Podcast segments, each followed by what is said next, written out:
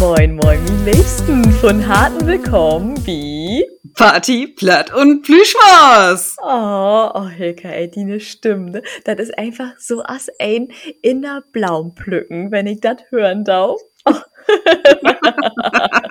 oh Gott, was für Blumen sind das dann? Fibresblaum.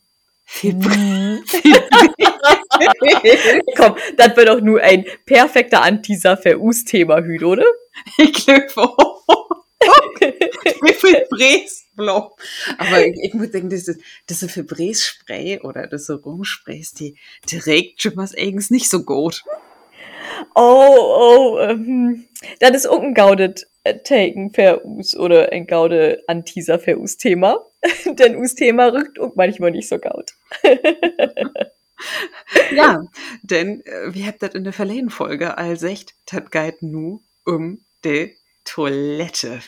Oh ja, ein von uns liebsten Thema. Und jed einmal in fast jed ein von uns Folge obdüken deit.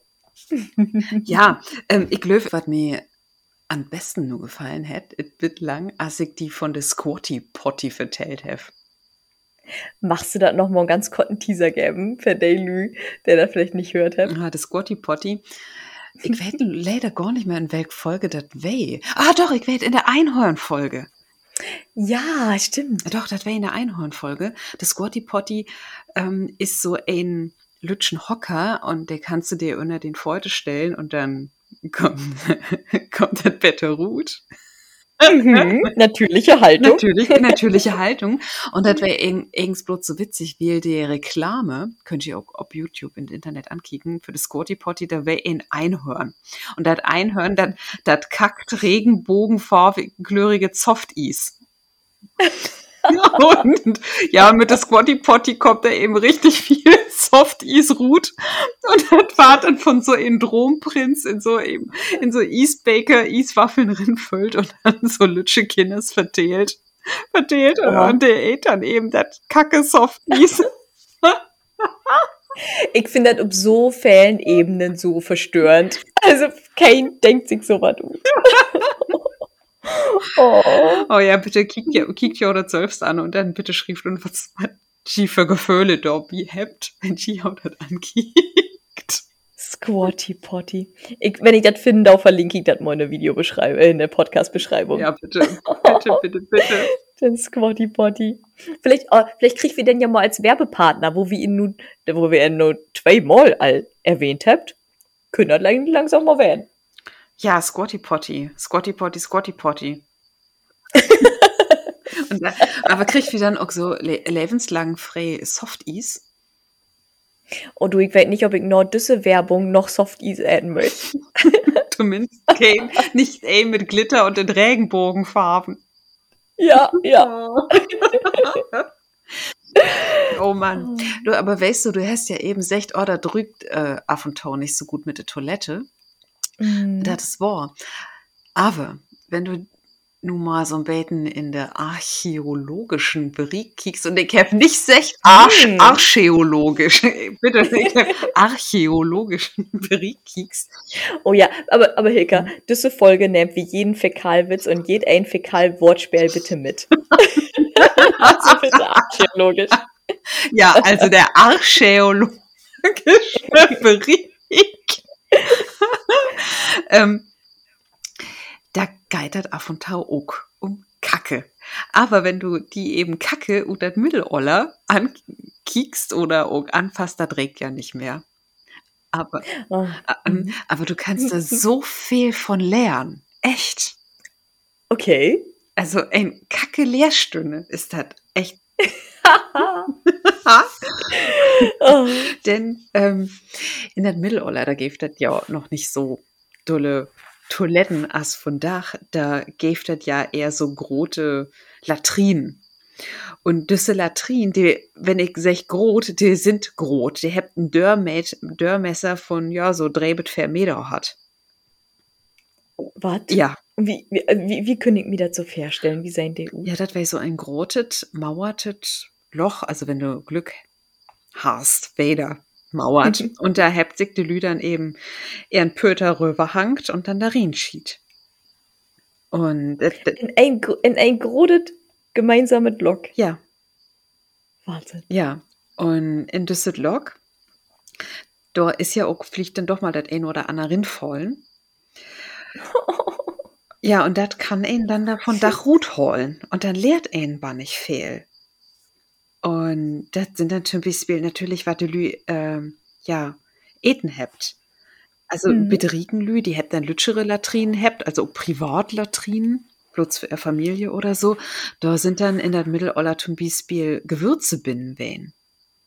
Die dann, also Paper zum Beispiel, die importiert worden ist. Aber, und nu hol ich fast, auch Apple und Karsen. Das gäf das nämlich nicht bei uns das hele Jahr. Das wär Kulturobst und das erst mit Römer Mm. kommen weh. Und das Ja. und findest du dann in den Latrinen ähm, und das Mittelalter. Erst richtig. Appelkahns und Karsenkahns.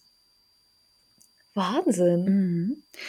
Und das gäf dort auch äh, den Beruf für de Latrinenfäger. Und der, und, der- und der hätte ihn noch Goldgräber genannt, weil habt ihr dann auch mal Glück, Glück, Glück hat und dann vielleicht äh, in Münze oder sowas in de Latrinen gefunden. Und der hätte auch bloß nachts eben fägen dürfen.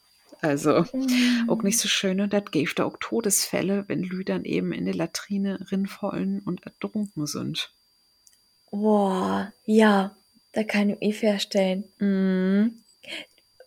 Äh, manchmal denke ich, wo gau dat gewisse Beruf einfach gestorben sind. Und ich glaube, das Latrinenfeger ist auch einfach ein Beruf. Der gaut ist dann dann nicht mehr geben da. Nee, nee, echt nicht. Also wirklich. Und dabei sind wir eigens in Europa allmal viel wieder wen, die Römer. Mhm. Die hab, die hab nämlich eine richtige Toilettenkultur hat. Was du so willst. Und von und Latein kommt auch das Verb kakare. Kack, äh, wirklich? Ja, Der Kackeree. ja. Ich, ich weiß nicht, ob ich das, Das ist ja witzig. ich weiß nicht, ob ich das richtig betont habe, aber oder vielleicht hätte auch kakare, aber von dort kommt das Wort kacken. Kackeree. Ja, und für die, Cool. und für die weh, dat äh, to hob nur de Toilette gorn nicht bloß ein derns Ding, dat wär grote Politik. Die hat Politik auf die Toilette Ja, macht. denn die habt all, Ah. das wär dann so ein Gemeinschaftslatrine und de, dat wär so, dat wär dann so ein Lok ähm, neben, neben das nächste und da habt ihr dann da hob Obsäten und äh, Politik morgt und inner dat Loch wär ein Lütsche Beke und der hätt dann eins äh, all wegspült, direkte Mang. Mhm. Und die habt dann aber, ob, ob der Anna sieht, und nun war das interessant, auch ein Lütsche Beke hat. Mit das chlore Worte. Mhm. Und da sind Essigschwämme binnenwein. Und damit habt sie sich dann sauber morgt. mit Essig. Ja, und, die, und das Essig, Oh. also der Essig, die desinfiziert ja. Mhm. Und diese Essigschwämme, die weh an einen Stock. Und habt sie dann eben schimmers wieder in das chlore Water rindükert, damit ihr wieder Chlor spült wort. Das ist ja witzig. Mhm. Und das hätte dann aber leider über 1000 Jahre oder noch länger dauert, bis wir dann wieder nur das Wasserklosett hinkommen sind und auch das Toilettenpapier erfunden wird. Mhm. Mhm. ja, du hast mir ja gefragt, ja, wo ist denn das nur mit de, mit de Witze? Na, na. du fragst sie schon so schön. Oh Gott. Also, du weißt ja, und vielleicht hätte der ein oder andere Torhörer auch ein mitkriegen. Mittelalter ist ja das, was mich nicht interessiert und ich äh, Mhm. muss da auch schon mal so viel überlesen. Und in das Lote Mittelalter, in das 16. Jahrhundert, gibt das ein Franzosen und der hat einen satirischen Roman schreiben. Das Franzose heißt François Rabelais und sein Buch hätte Gargantur und Pantagruth. Ich hoffe, ich habe das richtig ausgesprochen. Ja, und Gargantur fabuliert und das ist hele Buch darüber, wo ein sich am besten de Moors abwischen kann. Nee, Doch! was für ein Bau. Oh, Oh Mensch, geile Idee. ja, und dann versorgt die das mit dem Schleier von en scheune Fru und das ist Schleier, der ist ja so schön weich und das ist dann auch so ein bisschen Rutsch für ihn so an Simors. und auch mit der mit de, mit de Haube, mit der Haut von der Fru versorgt he das auch, aber auch mit Planten, Salbei, Fenchel, Rosen und mit ein Katte. Ei, okay. Ja. Okto N. Ja, ich weiß nicht, also ich weiß nicht, was er sich gedacht hätte, dann mit den Katzen zu versöken, aber ja, also in diesem Buch, da gibt viele, viele Methoden, sich den Morse abzuwischen. Hätte, äh, oh, sorry, Ja, hätte, hätte er denn auch quasi so als, als Endfazit, womit er am besten geordnet? Oh, das weiß ich gar nicht so genau. Aber das gäbe so viele Methoden in diese Tiden. Und äh, so, so das steht nun nicht in dem Buch, aber so ein bisschen ähm, Real-Life-Gossip. So ein Mönch, was hätte er an?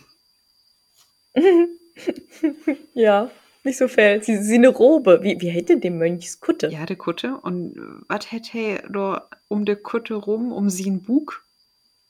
Zum Gürtel. Ja, so, ist denn so ein Se ja, so ein Kordel, ne? Ah.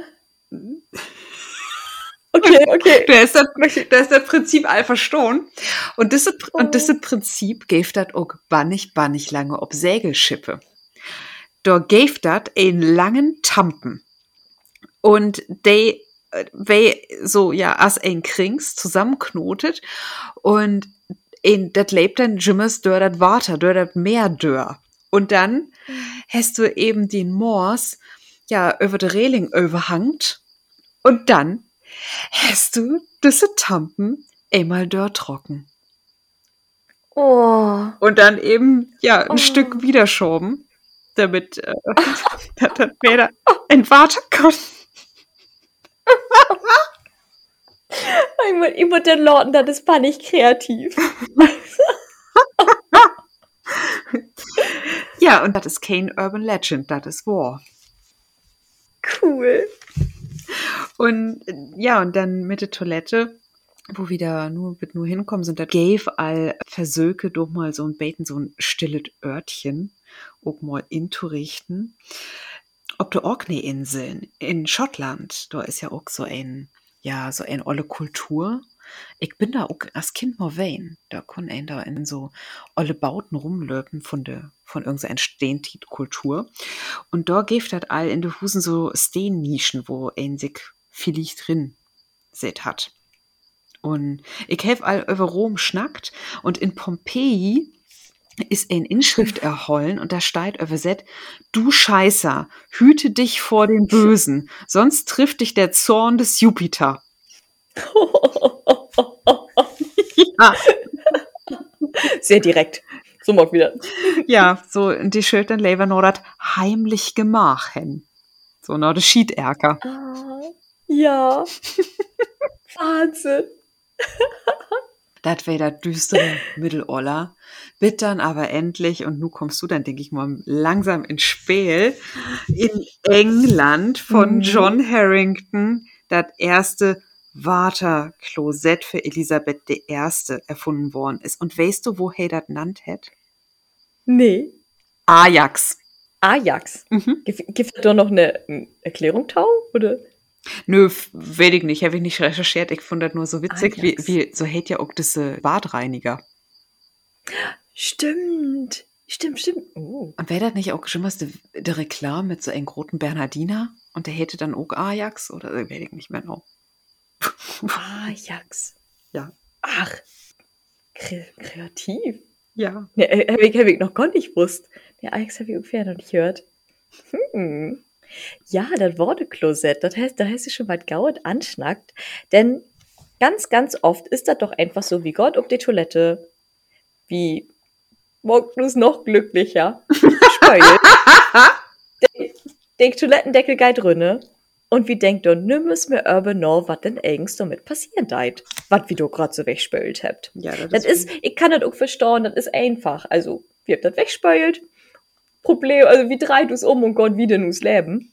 Aber auch als ich in der letzten, in der verleden Folge all vertellt habt, wie sit in us Leben, ses Mond ob de Toilette. Was für eine wahnsinnig lange Tit ist das. Und dumm können wir ja mal besser belenken, okay, was passiert denn eigentlich mit all dat, was wie du so wegspült? Und wie vielleicht der eine oder andere mitkriegen hat, ich habe Verfahrenstechnik studiert. Und Verfahrenstechnik ist, ähm, ist immer schwur in, in Wörterfahrten, was man eigens eins mit Verfahrenstechnik morgen kann. Aber ein Spielplatz von us Verfahrenstechniker, wo wir das läuft, us rumtortummeln, ist der Kläranloch. Und genau da habe ich auch für, eine Tit in meiner Bachelor-Tit Arbeit. Und ich muss sagen, ich habe mich einfach nipp und nau in den Kläranloch verlegt. einfach. Hilka, du kannst sie nicht herstellen. Das ist so spannend, wie wie und wirklich, wirklich hat verunreinigten Abworde. Wie wie du werde, der ich einfachste Verfahrensschritte, ob das mechanisch oder biologische Reinigung ist, wie wie du werde, sauberet, bit du Worte mocken könnt. Und Worte ist ein von us wertvollsten Ressourcen. Und es ist, ja, es ist einfach wahnsinnig wichtig, dass wir durch einen schlortenden Wortekreislauf habt. Und ich wat ständig, wenn ich den vertelle, oh ja, Verfahrenstechnik, bla bla, dann war ich oft fragt, ja, ich weiß überhaupt nicht, wie so eine Kläranlage funktioniert. Und deswegen hab ich gedacht, weil wir auch ein Beten, ähm, Lehrobdroch hier mit dem Podcast habt, vertelle ich einmal kurz, ganz oberflächlich natürlich. Ja. Ähm, Oberf oberflächlich, was so an der Oberfläche so rumschwimmt, bitte. Oh ja, ich war das schön bildmalerisch durchlenken, was man nur alles Schönes um erklären noch finden kann. Mhm. Dann ist tauferrückt, was Menschen in die, in ihre Toilette spült. Das kommt dann ja auch eins um erklären noch an. Und erst, also, wie spült, Gott, wie man mit dem Worte mit, dann geht erst durch die Kanalisation. Das, die meisten das ja noch. Und dann kommt das wie der kommunalen Kläranloch an. Und da geht das tau allererst durch ein ganz grobes Sieb. So damit de Tampons, de Windeln, de all das, was du halt, ja, ja, Helga, du glöfst nicht, was Menschen, der ich düsset lütsche Rohr, der ich presst kriegt. Korklöppel habt ihr dumm gefunden. Also du findest du, Kondome blinkt, blieb du hängen. Als das, was eigens nicht in die Toilette gehört, du Du findest eins. Warum mutig Dobino an Werner Beinhardt denken und Meister Röhrig, wo hey in der Toilette von Fru Hansen rumdükert? ja, Werner. Ja, so ungefähr kann man sich das vorstellen. oh Mann, jetzt hätte ich richtig Bock auf das Footballspiel von Werner. Oh, ja. oh ja, das möchte ich kicken und das dann live kommentieren. Ja, wie sind diese beiden Geier da Borben oder Krähen, was sind das? Ja, so, Krä so Krähen sind da, glöwig. Ja. Oh, oh platt. Oh, Bitte. Oh ja, das Werner wär, platt. Das wäre super. Du, also, ich Victor die mal vertellt, als ich in Kiel lebt hätte, da bin ich Jimmers über diesen Marktplatz loben. Nee, ehrlich? Mhm. Den, den gibt das in Wahrheit, also den gibt in Realität? Ja. Ach, wie witzig. Das ist aber eine andere Geschichte. Genau, genau, in einer anderen Folge. Wie stellt uns nun Lever diese Situation vor, wo Meister Röhrig schon was mit der Toilette auf dem Kopf unter dem Fenster rutscht springt? genau. Und vielleicht landet hey dann ja Norden Rechen, denn der Rechen ist das grode Sieb, von dem ich gerade vertellt habe. Und nu hab wir in us Abworde ja auch nicht nur, wie nennt das, Schwebstoffe, wir habt auch ganz viel Fett oder Sand oder sowas in. Denn grad auch Worte von zum Beispiel von der Straat, du hast ja jümmes Feld Sand oder ich hab äh, in Wismar lehrt oder wer in Wismar in erklären Loch. Und wenn du, Hilka, so ein richtig hellen langen Dach an Strand wählen bist und dann abends in die Dusche gorn deist. Mhm. Ja. Da kommt ordentlich Sand von die Rünne. Mhm. Und um düsse Sand, der landet ja auch irgendwo in der Loch und der will alles verstoppen. Von daher kommt der Nord diesem großen Sieb, kommt ein Sandfang und ein Fettfang. Denn Fett schwimmt Borben, das kann schön abschöpft werden. Und der Sand, der sinkt von sich ut nur in, weil das Worte langsamer fleiten deit im Sandfang. Ich denke, das kennt jede, wenn man Matschworte hat und das länger storn, lorten deit, dann sind ein, okay, in bildet sich eine dicke Schicht Sand. Und genau nach dem Prinzip funktioniert, das, das nennt sich die mechanische Vorklärung. Also, das ist eins, die, die erste Schritt, um das Worte und Bäten sauberer zu machen. Also, was habt wie gerade schon Rut filtert? Wir habt so Tampons, Windeln, Meister Röhrig, der habt wir alle Rut. Dann Sand habt wie Rut, Fett habt wie Rut. Dann habt wie doch noch grode Schwebstoffe drin. Und das kommt dann im Vorklärbecken. Also das ganze Worde sammelt sich in einem riesigen Becken, wo dort eine gewisse Tiet drin storn blieben deit. Und diese großen Schwebstoffe setzt sich durch schon Dale auf. Das ist eins der Verklärung. Der Schlamm, dat, wat dat wat sich aufsetzen deit, nennt wie Schlamm, der wat in ein, meistens in ein Fuhlturm feuert. Dort kann weder Energie gut wunden werden, denn Bakterien, die verknuspert us Schlamm und mock dort Methan. Also quasi ein Fuhlturm ist so als ein Biogasanloch. Ach. So könnt die Kläranloch ihren Strom so produzieren, den sie braucht. Das ist wirklich, das ist so bannig spannend, dass du eine Kläranloch fast energieautark just mit dem Schlamm und der Energie und dem Schlamm feuern kannst. Also eigens fast ein Perpetuum mobile. Du bringst ja was in. Die, Fäk die Fäkalien kommt ja in das System drin. Mhm. Von daher nicht ganz. Aber wäre schön, wenn das ein komplettes Perpetuum mobile wäre. So funktioniert aber ganz genau. Der ich die Abfälle, der ja auch kein ein Hemm möchte. Quasi wie mockt und scheiße Gold. Happy auch wieder einen scheuen Witz hat. Absolut, dem, dem Mess mit drin. Ich habe ihn umgeschrieben und dachte mir so, Lisa, dem Mund mit drin, ich mach den so gern. und genau, nur habt wieder Worte. Noch nicht hell sauber. Also du, die, die ganzen Schwebstoffe oder lütschere Schwebstoffe, wie nennt das Nährstoffe. Ganz viel Phosphor ist da noch drin. Ähm, Stickstoff und den Harnstoff vom Urin ist dort zum Beispiel noch in. Und was die Uktotor sagen muss, auf nu nichts rügt mehr. Also wenn die, wenn die Schau eine Kläranloch feststellt, denke ich immer, oh, das muss ja stinken und eklig werden. Nein, überhaupt nicht. Da rügt nix. Und genau, wie habt nu das Worte? In us großen Belebungsbecken. Und in dem Belebungsbecken kommt der Bakterientauinsatz. Nu hat wie die mechanische Reinigung, der habt wie abschlotten und nu sich us Jungs darum kümmern. Denn die Bakterien, die verknuspert all diese Nährstoffe. Quasi, das, was wie erst in us opnehmt, dann werde Utscheid, das verknuspert de. Und so als das ist, wenn man was äten deit, de vermehrt sich und vermehrt sich und vermehrt sich. Und genau diese Bakterien, de wassen daut, du dech dat wie sie futtert, dat ist de Schlamm, dat ist Klärschlamm. Und diese Mikroorganismen, die kann man dann nach der Belebung wieder aftrennen in einem Norklärbecken. Ah. Und das Worte, dass der, das dann quasi aftrennt ist von den Bakterien, das kann so werde in den Vorfluter. Und der Vorfluter ist ein See, das kann das Meer werden oder was auch jümmes. Man muss noch ein paar Nährstoffe oder kann noch ein paar Nährstoffe utfällen. Man kann auch was Tau geben, das Phosphor utfallen deit. Und wir haben noch etwa, äh, wir haben noch eine Denitrifikation, eine Nitrifikationsstufe, dass der Stickstoff gut im Borderut kommt. Aber das ist die Basis von einer Kläranloch.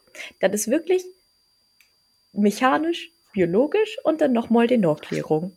So einfach könnt wie ut höchst verunreinigten Worte saubere Worte morgen. Let the magic happen. Ah. Let the magic happen. Ja, das ist echt Magie. Das ist so spannend. Als bald ein dummer Betten hinnekicken deit und einfach sehen deit, wo einfach das ist, was für einfache natürliche Prozesse wie nutzt und wo wichtig das einfach ist, das wie saubere Worte habt. Das ist so. Und ich nur noch mal so ein Fäkalwitz morgen? Aber bitte, nur ist der perfekte Platz dafür. Nur so viel Input. Der einen könnte morgen, dass die Luft nicht mehr stinkt, der anderen könnte morgen, dass die Luft stinkt. Wo Dave hast du denn den Hut auf? Der ist mir gerade wieder so in mein Brä geruht. Wundervoll, Hilka. Und weißt du, was ich nur noch als Schmankel habe, als was besonders? Na? Ich habe mir dann nämlich überlegt, okay, Hilka, der steckt ja jümmers im Mittelolle und das interessiert sie allen so. Das ist ja aber, dass das allen schon tot ist. Und wir hat, also die Toilette von Hüt, die kennt wir ja, aber wo geht das denn in der Taukomtit mit der Toilette hin? Und dann habe ich mir so überlegt, okay, es gibt ja schon immer so diese, diese Geschichten von den Toiletten in Japan, der sich von Sülms öffnet, der dann auch den Sitz beheizt, dass du richtig schön warm sitten deist. Wenn du fertig bist, dann kommt dort ein Wassersprüher, der die sauber mocken deit von innen. Das ist ja eins Realität und das ist keine Taukunft. Was ist denn eine Taukunft? Und das ist eine Toilette, die die Kot und den Urin ob Krankheiten überprüft und ob Nährstoffe und ob du krank bist oder nicht. Der macht quasi neu jed ein Toilettengang ein Gesundheitscheck.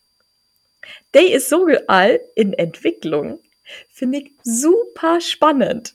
Den kann dir die Toilette auch liegst am Urin sehen, ob du schwanger bist oder nicht. Abfahren. Mhm. Absolut, ich mega cool. Und so, als du das anhört hat in den Artikel, ist das gar nicht mehr so weit weg. Krass.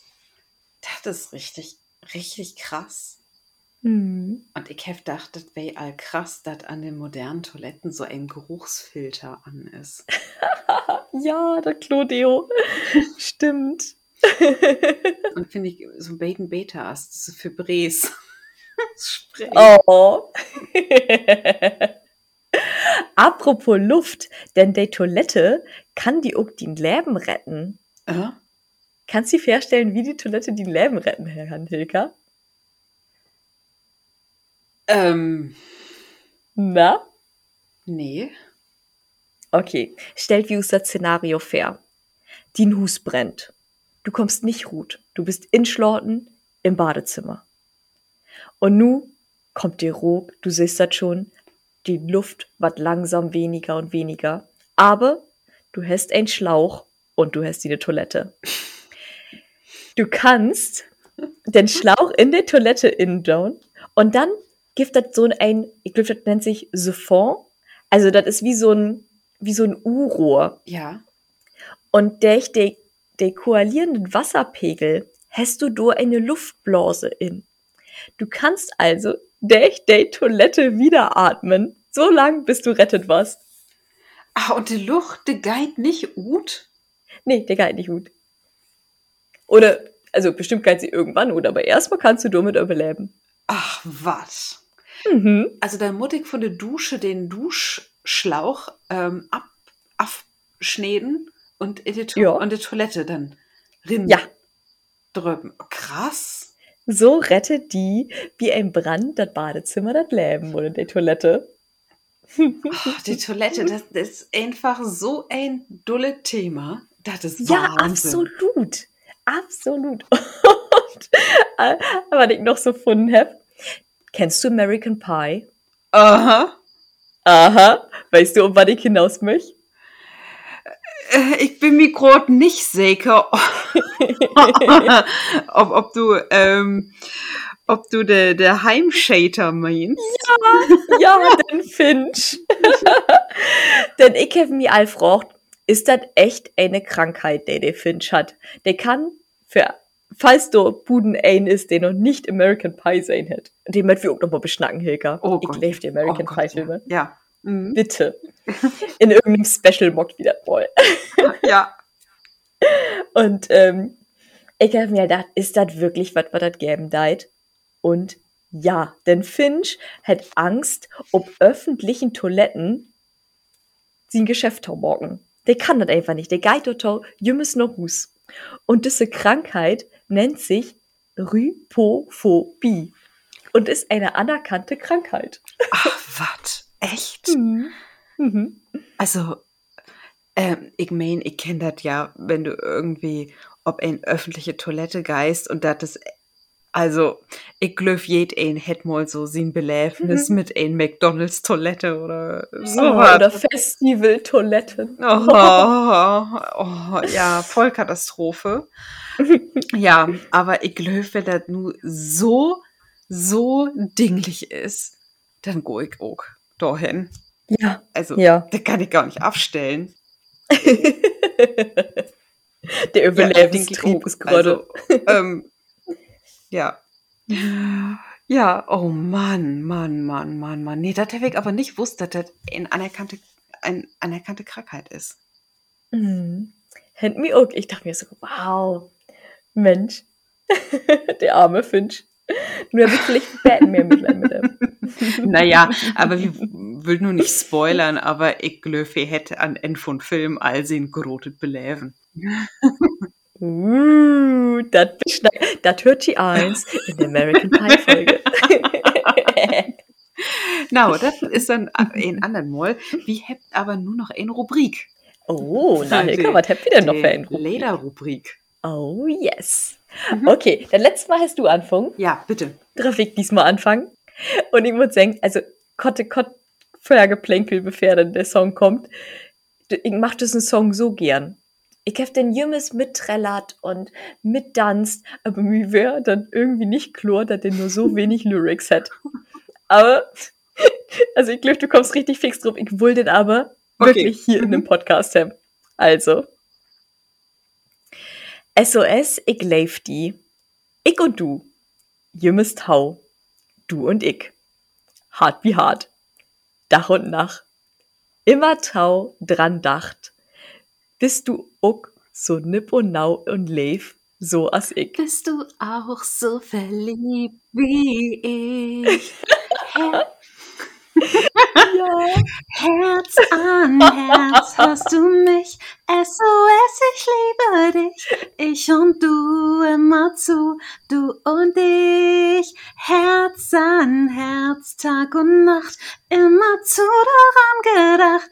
Bist du auch so verliebt wie ich? Ja, das wäre doch ein super Hit in den Nägenticher. Oh, ich mach den auch so gern. Und dann habe ich noch den Lyrics googelt und dachte mir so, Moment, Moment, so wenig Lyrics? Und ja, Ja, das- das sind die ganzen Lyrics. Ich meine, das wäre ja irgend auch ein Schlager, aber ich glaube, allen anderen Lieder, die sie mogt hätte, hätte auch nicht so viel mehr Lyrics, oder? Ich überlege gerade, was hätte sie sonst gesagt? Oh, Nee, ich ich bin nicht Zentimeter. von von er? ich glaube, von er ist, Ah, ist er, das ist eher so ein bisschen unschuldig von, von er, oder? Von, also, äh, das ist Blümchen, ne? Das geht um Blümchen. Ja, ja. Ähm, ich glaub, Die Lütte Wo Blum. hättet? Piep, piep, kleiner Satellit, sag ihm, dass es mich noch Au. gibt. Piep, piep, kleiner Satellit, frag ihn, ob er mich noch liebt. Oder wie ein Boom, Boom, Boom, Boom, Boom. Komm ich immer wieder an. Stimmt. Ach, Ich- tau Ich kann mich auch, auch nicht an depere Texte von er erinnern.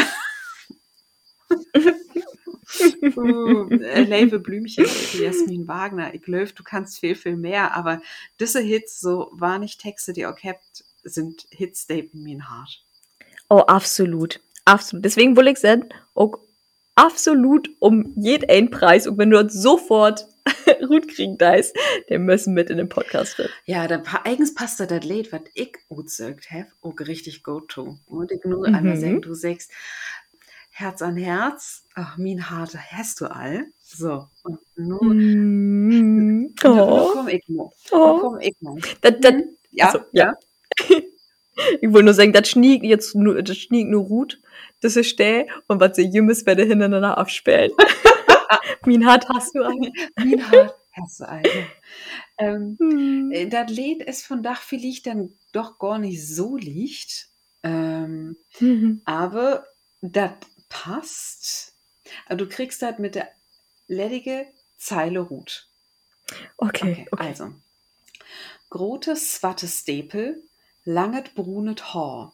Se is so söd. Kann ich ophören, er anzukicken. Nu kann ich sehen, du geist nur Hus mit mir. Aber du bist mit den Anna Kerl hier, yeah. Ich weet, wir hebt uns nicht viel zu sagen, bevor ich die Wetter goen lord, yeah. Ich sech, willst du min deren wein? Wanna be my lover? Mm -mm. No one. Mm. Willst du mir dir wenn Do you wanna be my Das ist Englisch, oder?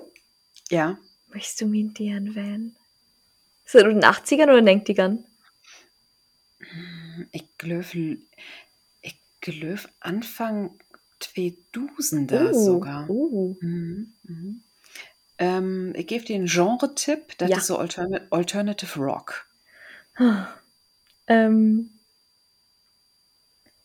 Möchtest du mir dir wenn? Hast du eine Melodie? Nur, nur Band-Melodie für mich? Ähm, die Melodie, oh, das ist gar nicht so. Das ist so ein. Ich höre die mal, das ist ein, ein Dreher Mannslüd-Band. Und. Nee, ich glaube, ich kann das so gar nicht dir den Melodie geben. Das ist, wenn du das hörst, ist das richtig ingängig, aber die Gitarren da, da bin, Mhm. die sind richtig heftig. Ich, ich fange nochmal an Mhm. mit Grotes Swatte Staple, langet brunet Haar. Sie ist so söd, kann ich ophören, er anzukicken. Kannst du. Oh. Ja. Also, das ist auch gar nicht richtig sungen, das ist mehr schnackt. Ich, ich habe echt keinen kein, kein Ansatzpunkt. Kein. Nee, kein. Äh, Schall ich ablösen. Ja, bitte. oh Das- Mann. Das sind Jet mit Are You Gonna Be My Girl? Wo geht das? Ich glaube, wir kennen das nicht. Doch, das kennst du. Das kennst du. Das geht dann Are You Gonna Be My Girl? Das kennst du. Vielleicht, ähm, das ist dann so Big Black Boots, Long Brown Hair, She's so sweet, Get back there. Well, I could see you come home with me, but you were with another man. Und dann, äh, dann kommt eben das, I said, Are you gonna be my girl? Und dann fangt die Gitarren an. Also, ich, finde das, ich find das super schön, wie du das denkst. Das ist echt, wir kennen das echt nicht. Ich habe das noch nie gehört. Doch, Lisa. Doch. das kenn- Ich verspreche dir das, du kennst das und du bist da sicher in der ein oder andere Disco richtig aufgegangen. Na gaut. Na gaut. Ich, vers ich verspreche dir das, in der Tokam-Folge löst wieder das ob, Mhm. ob, Li ob Lisa das Late doch einmal äh, doch äh, kennt und ob die Dancefläche abhottet hat. Aber Taukommen, Folge, Hilka, ist schon mal ein gaues Stichwort. Was töft denn du lebe Tauhörers in der Taukommen-Folge? Oh, das war norhallig. Richtig norhallig war das. Oh ja. Drauf. Ja, äh, so viel können wir gar nicht verraten, ne? Mhm. Ne, das, war norhallig. ja, Ihr Leben. Ich hoffe, dass genau mit einem ganz anderen Blick ob schauen Toilette und ob das Spülen und ob all die ganz wunderbaren ähm, Sorgen rund um das Toiletten, um Toilettengang kicken daut. ja, genau. Und bitte, bitte, bitte nehmt nicht das Schleier oder das Schal von Jauchgründe. Und nicht den Cut. Bloß nicht den Cut. bitte nicht die Cut. okay, also, wie freut uns, ob der Tokom norhalige Folge. Oh ja. Und bis dahin mag das gaut. Mit Balle. Tschüss.